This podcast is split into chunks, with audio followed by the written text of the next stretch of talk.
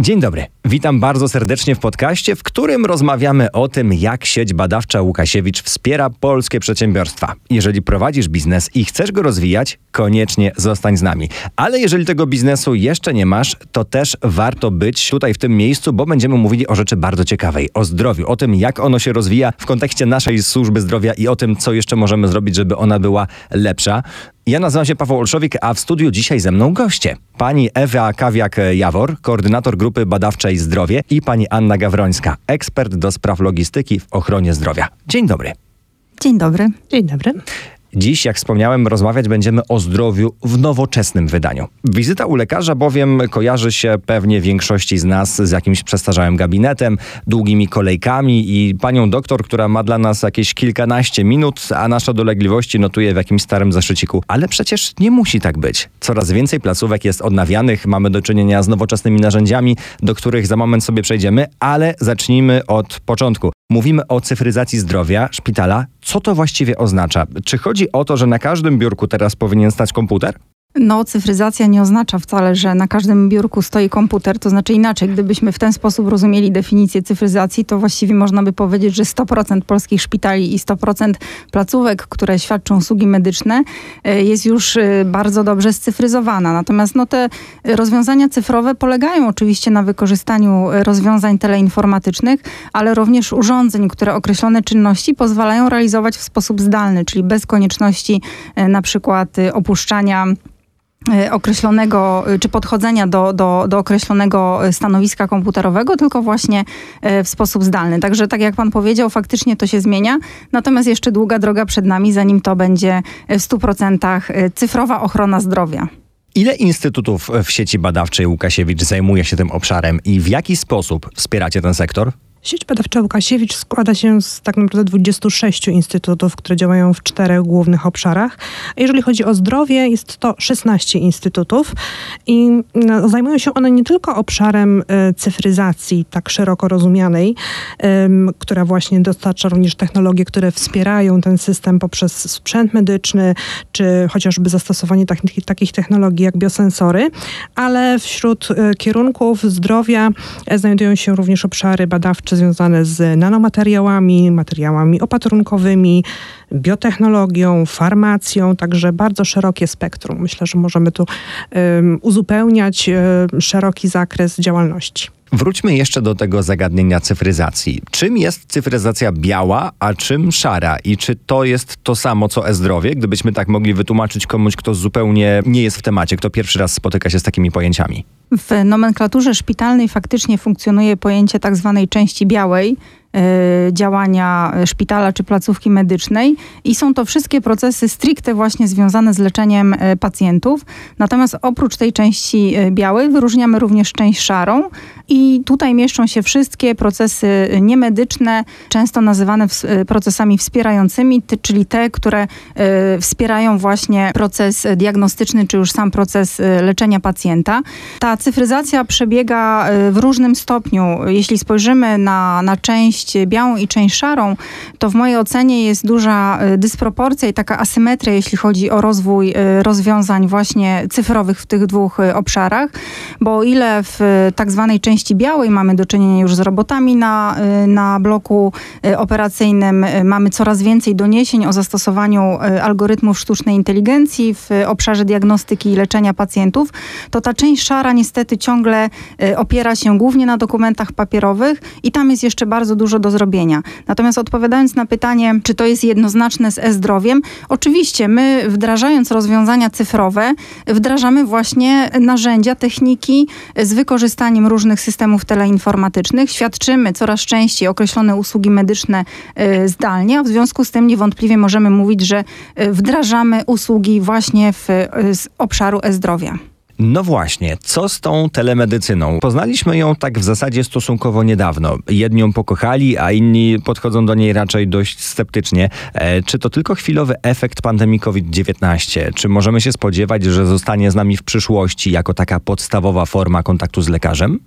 Telemedycyna to bardzo szeroki i mm, trend, który już od wielu, wielu lat jest obecny w rozwoju technologii i rozwoju usług medycznych. To jak dzisiaj poznaliśmy, czy w ostatnich miesiącach, w ostatnich latach poznaliśmy telemedycynę, to jedynie jeden tak naprawdę promil y, możliwości jej działania. Y, w dużej mierze ten, taka nasza być może niechęć y, do usług telemedycznych wiąże się z tym, że zderzyliśmy się z, ze świadczeniem tych usług przez telefon, a tak naprawdę świadczenie usług telemedycznych jest o wiele szerszym pojęciem i wymaga zastosowania o wiele szerszej gamy technologii. To nie jest tylko i wyłącznie konsultacja za pomocą telefonu, ale przede wszystkim e, możliwość e, świadczenia usług e, medycznych w dystansie, w takim odłączeniu fizycznym od specjalisty medycznego i w różnych konfiguracjach, w zależności od tego, czy jest to kontakt lekarz-pacjent, czy lekarz-lekarz w konsultacjach na przykład specjalistycznych lekarza POZ-u.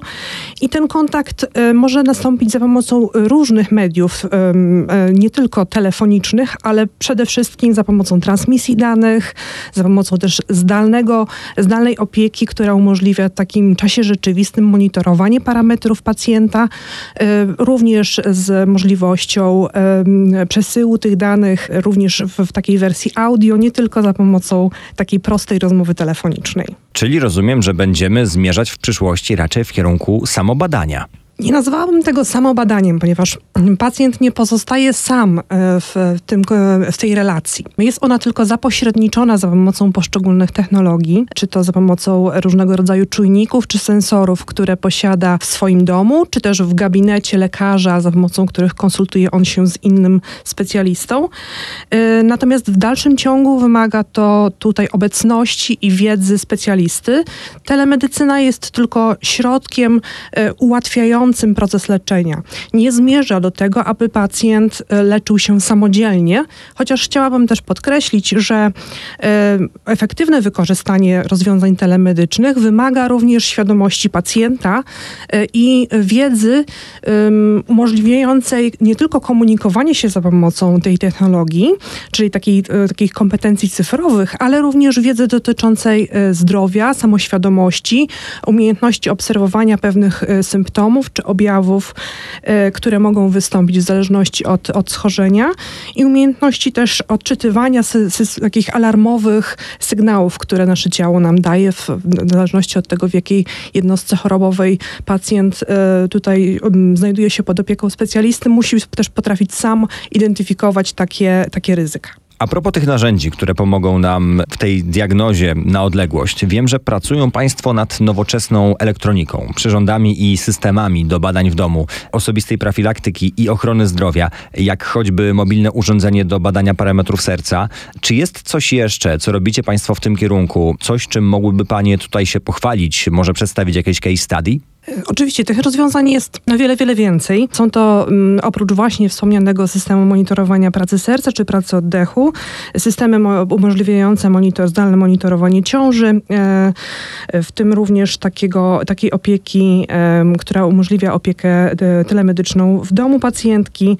E, pracujemy również nad systemami, które pozwalają za pomocą biosensorów wcześniej wykrywać zakażenia SARS-CoV-2.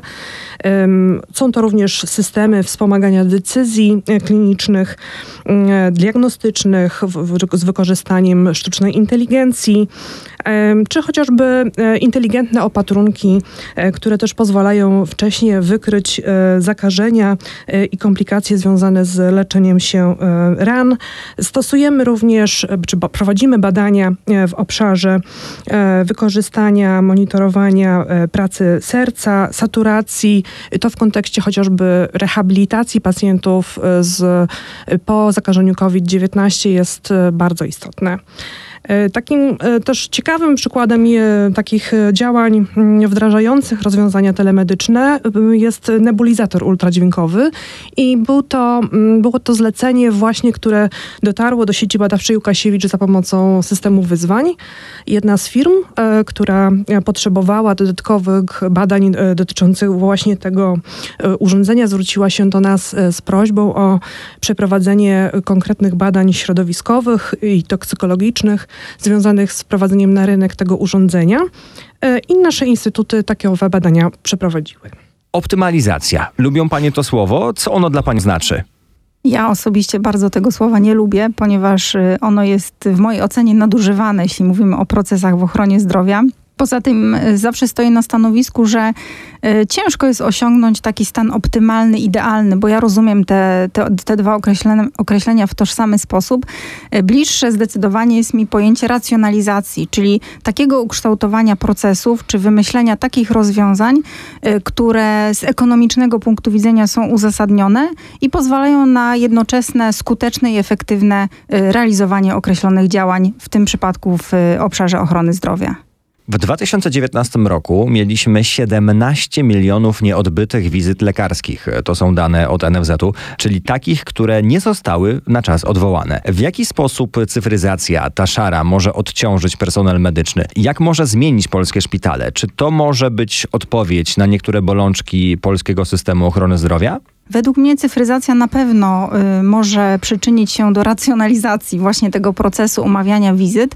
Natomiast tutaj też y, bardzo dużą rolę odgrywa y, ta wspomniana wcześniej y, świadomość zdrowotna pacjentów. To znaczy, tak długo jak nie będziemy rozumieli, że jeśli w porę nie odwołamy y, naszej wizyty z różnych powodów, y, to cierpimy wszyscy na tym, ponieważ te kolejki będą się wydłużały w nieskończoność. Także cyfrowe rozwiązania, takie chociażby jak wdrażana centralna rejestracja, one z pewnością przyczynią się do racjonalizacji procesu. Z jednej strony umawiania wizyt, ale z drugiej strony właśnie do zarządzania przepływem e, pacjentów e, w związku z tym, że e, ten dostęp i możliwość analizowania danych ich przetwarzania na pewno w tych rozwiązaniach cyfrowych jest dużo szybsza niż w przypadku stosowania dokumentów papierowych. I to, co jest też istotne, to odciążenie personelu medycznego, który dzisiaj musi poświęcać bardzo dużo czasu na ręczne y, wpisywanie mm, czy umawianie pacjentów na, na poszczególne y, terminy wizyt, y, a to, to jest ten czas i to są pieniądze, które można by było przeznaczyć chociażby na te podstawowe czynności, którymi powinien się personel medyczny zajmować, czyli czynności chociażby pielęgnacyjne w stosunku do pacjenta albo świadczenie już samych konkretnych usług medycznych. Czyli niechaj to wybrzmi, nieważne jak umówiliśmy się na wizytę, jeżeli nie możemy przyjść, odwołajmy ją jak najszybciej, to wtedy Koniecznie. może nie będziemy narzekali na to, że na umówienie się do specjalisty trzeba czekać rok, czy, czy nawet jeszcze, nie daj Boże, czasami dłużej. A jak szybko postępuje automatyzacja polskich szpitali? Roboty są coraz częściej widziane na salach chirurgicznych. Czy ten trend postępuje w takim tempie, jak powinien, czy może jeszcze czegoś nam jednak brakuje?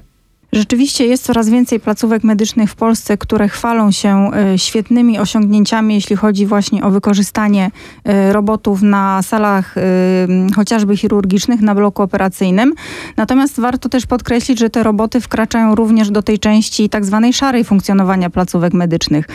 Wprawdzie w Polsce w większości nadal szpitali mm, mamy do czynienia z taką dystrybucją leków, polegającą na tym, że pielęgniarki przygotowują poszczególne poszczególne dawki leków e, dla pacjentów na oddziałach czy w klinikach. Natomiast standardem e, w krajach europejskich czy, czy, czy też w Stanach Zjednoczonych e, jest wykorzystanie tak zwanych automatów lekowych, czyli przeniesienie tego punktu przygotowywania leków dla pacjenta z oddziału do apteki szpitalnej. Oczywiście to nie oznacza, że na oddziale nie będzie żadnych leków, bo taka sytuacja jest niemożliwa i wręcz niedopuszczalna. Natomiast takie rozwiązania również są coraz częściej obserwowane i są też szpitale w Polsce, które się przymierzają do tego. E, na pewno też warto podkreślić to, że poziom świadomości polskich szpitali e, rośnie i on rośnie w gigantycznym tempie.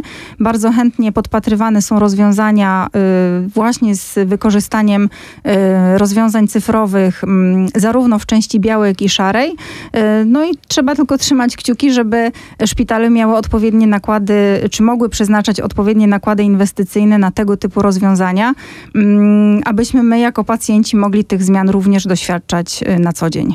Trzeba sobie jeszcze też powiedzieć, że era cyfrowa to też cyfrowe zagrożenia, z którymi wcześniej nie mieliśmy styczności. Jakie niesie cyfryzacja ochrony zdrowia? Jakie zagrożenia stoją przed tą dziedziną? Czy powinniśmy się czegoś obawiać? Myślę, że tych zagrożeń jest kilka. Mm, one wpisują się w ogóle w taki szerszy trend związany z cyfrowym światem, w którym żyjemy. Z jednej strony są to cyfrowe uzależnienia, z drugiej strony są, jest to również tak zwany szum, szum informacyjny, e, czyli docierająca do nas ilość danych, ilość bodźców powoduje też przeciążenie takie informacyjne i poznawcze, e, co potęguje nasz stres e, i zwiększa ilość występowania różnych różnego rodzaju zaburzeń psychicznych. W odniesieniu do samej cyfryzacji ochrony zdrowia odwołałabym się chyba znowu do e, elementu związanego z e, samoleczeniem i e, z takim zaufaniem do nie do końca sprawdzonych informacji, które możemy znaleźć w przestrzeni internetu. I tu mówię nie tylko o tak zwanym doktorze Google, ale w ogóle o informacjach, które mogą do nas trafiać z różnych źródeł. A wiemy też, że żyjemy w pewnym takim świecie, pewnej bańki informacyjnej, E, I to są e, chociażby informacje, które dotyczą e, systemu szczepień, niesprawdzonych terapii, leczenia o nieudowodnionym klinicznym przebiegu. Także tutaj znów te kompetencje, zarówno cyfrowe, jak i kompetencje zdrowotne są kluczowe, tak abyśmy potrafili odróżniać te informacje, które pochodzą z rzetelnego źródła i potrafili je właściwie identyfikować i realnie stosować. Myślę, że też kluczowa jest kwestia edukacji pacjentów od najmłodszych lat tak naprawdę, gdzie szukać informacji o zdrowiu, e, z jakich źródeł korzystać, które są warte tego, aby do nich zaglądać, a do których nie warto odwoływać się.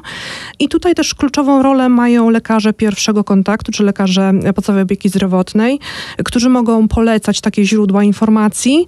Zresztą powszechne w zastosowaniu są różnego rodzaju aplikacje zdrowotne i tutaj też też ich zastosowanie i ich skuteczność powinna być e, udowodniona i tak naprawdę przebadana, e, tak żeby abyśmy wiedzieli, że zawarte w niej źródła, podpowiedzi, sugestie e, są faktycznie dla nas przydatne i nie zaszkodzą naszemu zdrowiu w przyszłości to jest też e, warte podkreślenia. Nie diagnozujemy się na własną rękę właśnie za pomocą doktora Google, bo, bo tam różnych dziwnych głupot możemy się naczytać i podjąć zupełnie niewłaściwe wnioski. A jak do nowych systemów, technologii informatycznych podchodzi personel ochrony zdrowia? Z zaufaniem, czy może jeszcze z jakimś takim lekkim dystansem?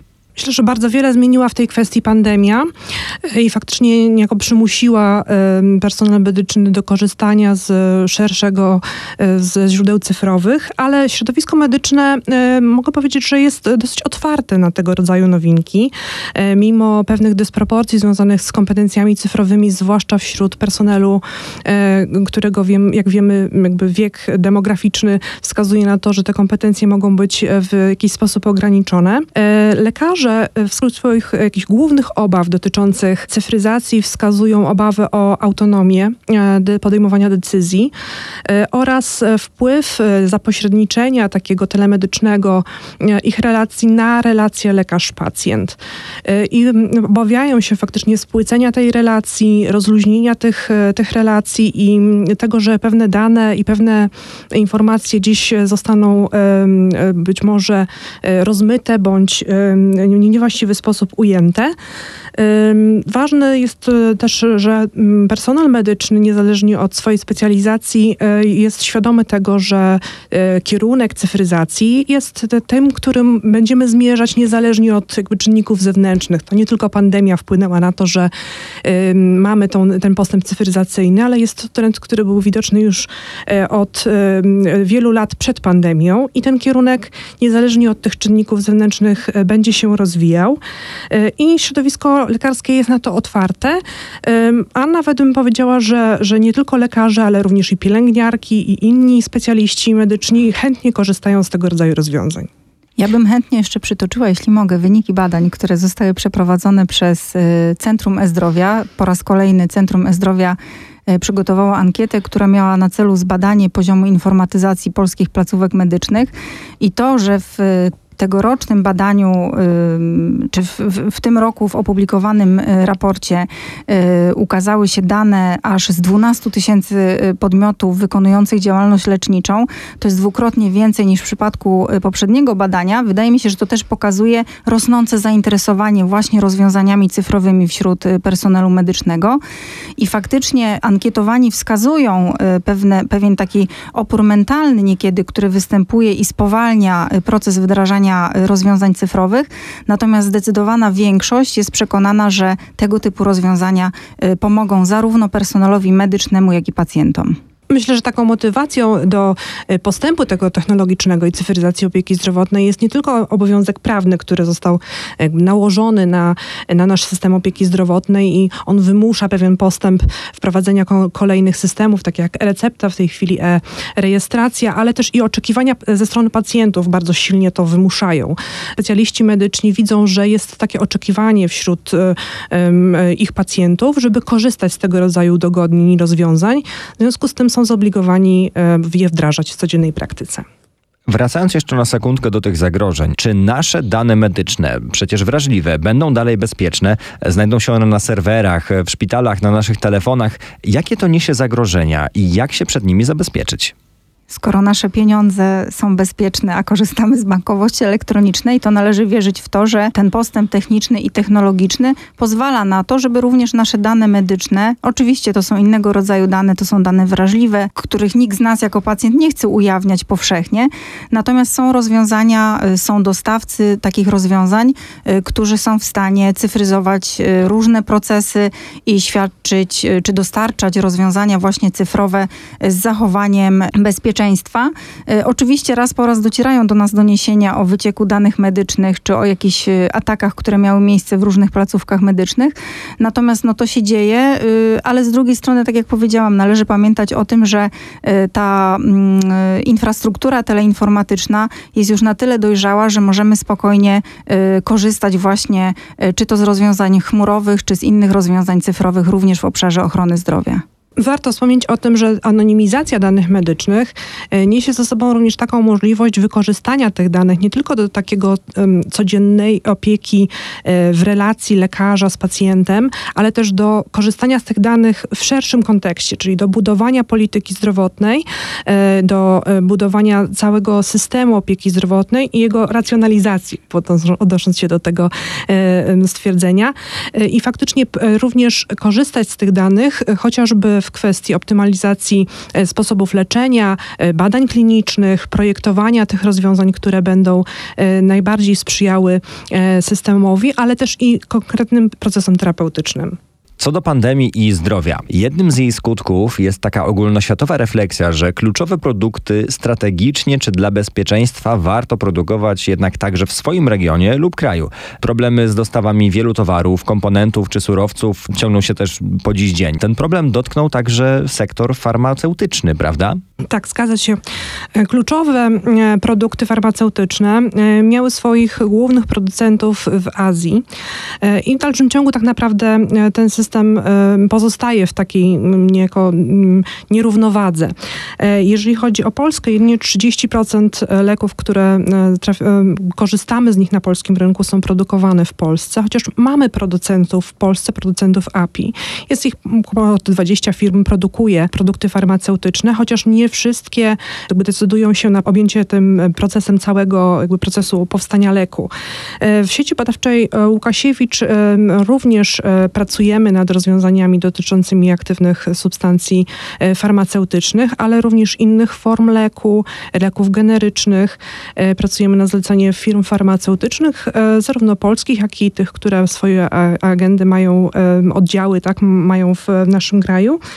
I pracujemy głównie nad rozwiązaniami, które są dedykowane mm, lekom z obszarów y, onkologii czy chorób metabolicznych, bo warto też podkreślić, że to są e, te, te schorzenia obok oczywiście chorób układu krążenia, które są dla nas w tym momencie kluczowe, chociażby ze względu na wzrastające zapotrzebowanie i potrzeby zdrowotne, e, które pandemia jedynie nasiliła. Wiemy, że mamy dług zdrowotny, który musimy e, w tym momencie, w najbliższym czasie spłacać. W związku z tym zapotrzebowanie na te leki będzie będzie kluczowe w najbliższym czasie.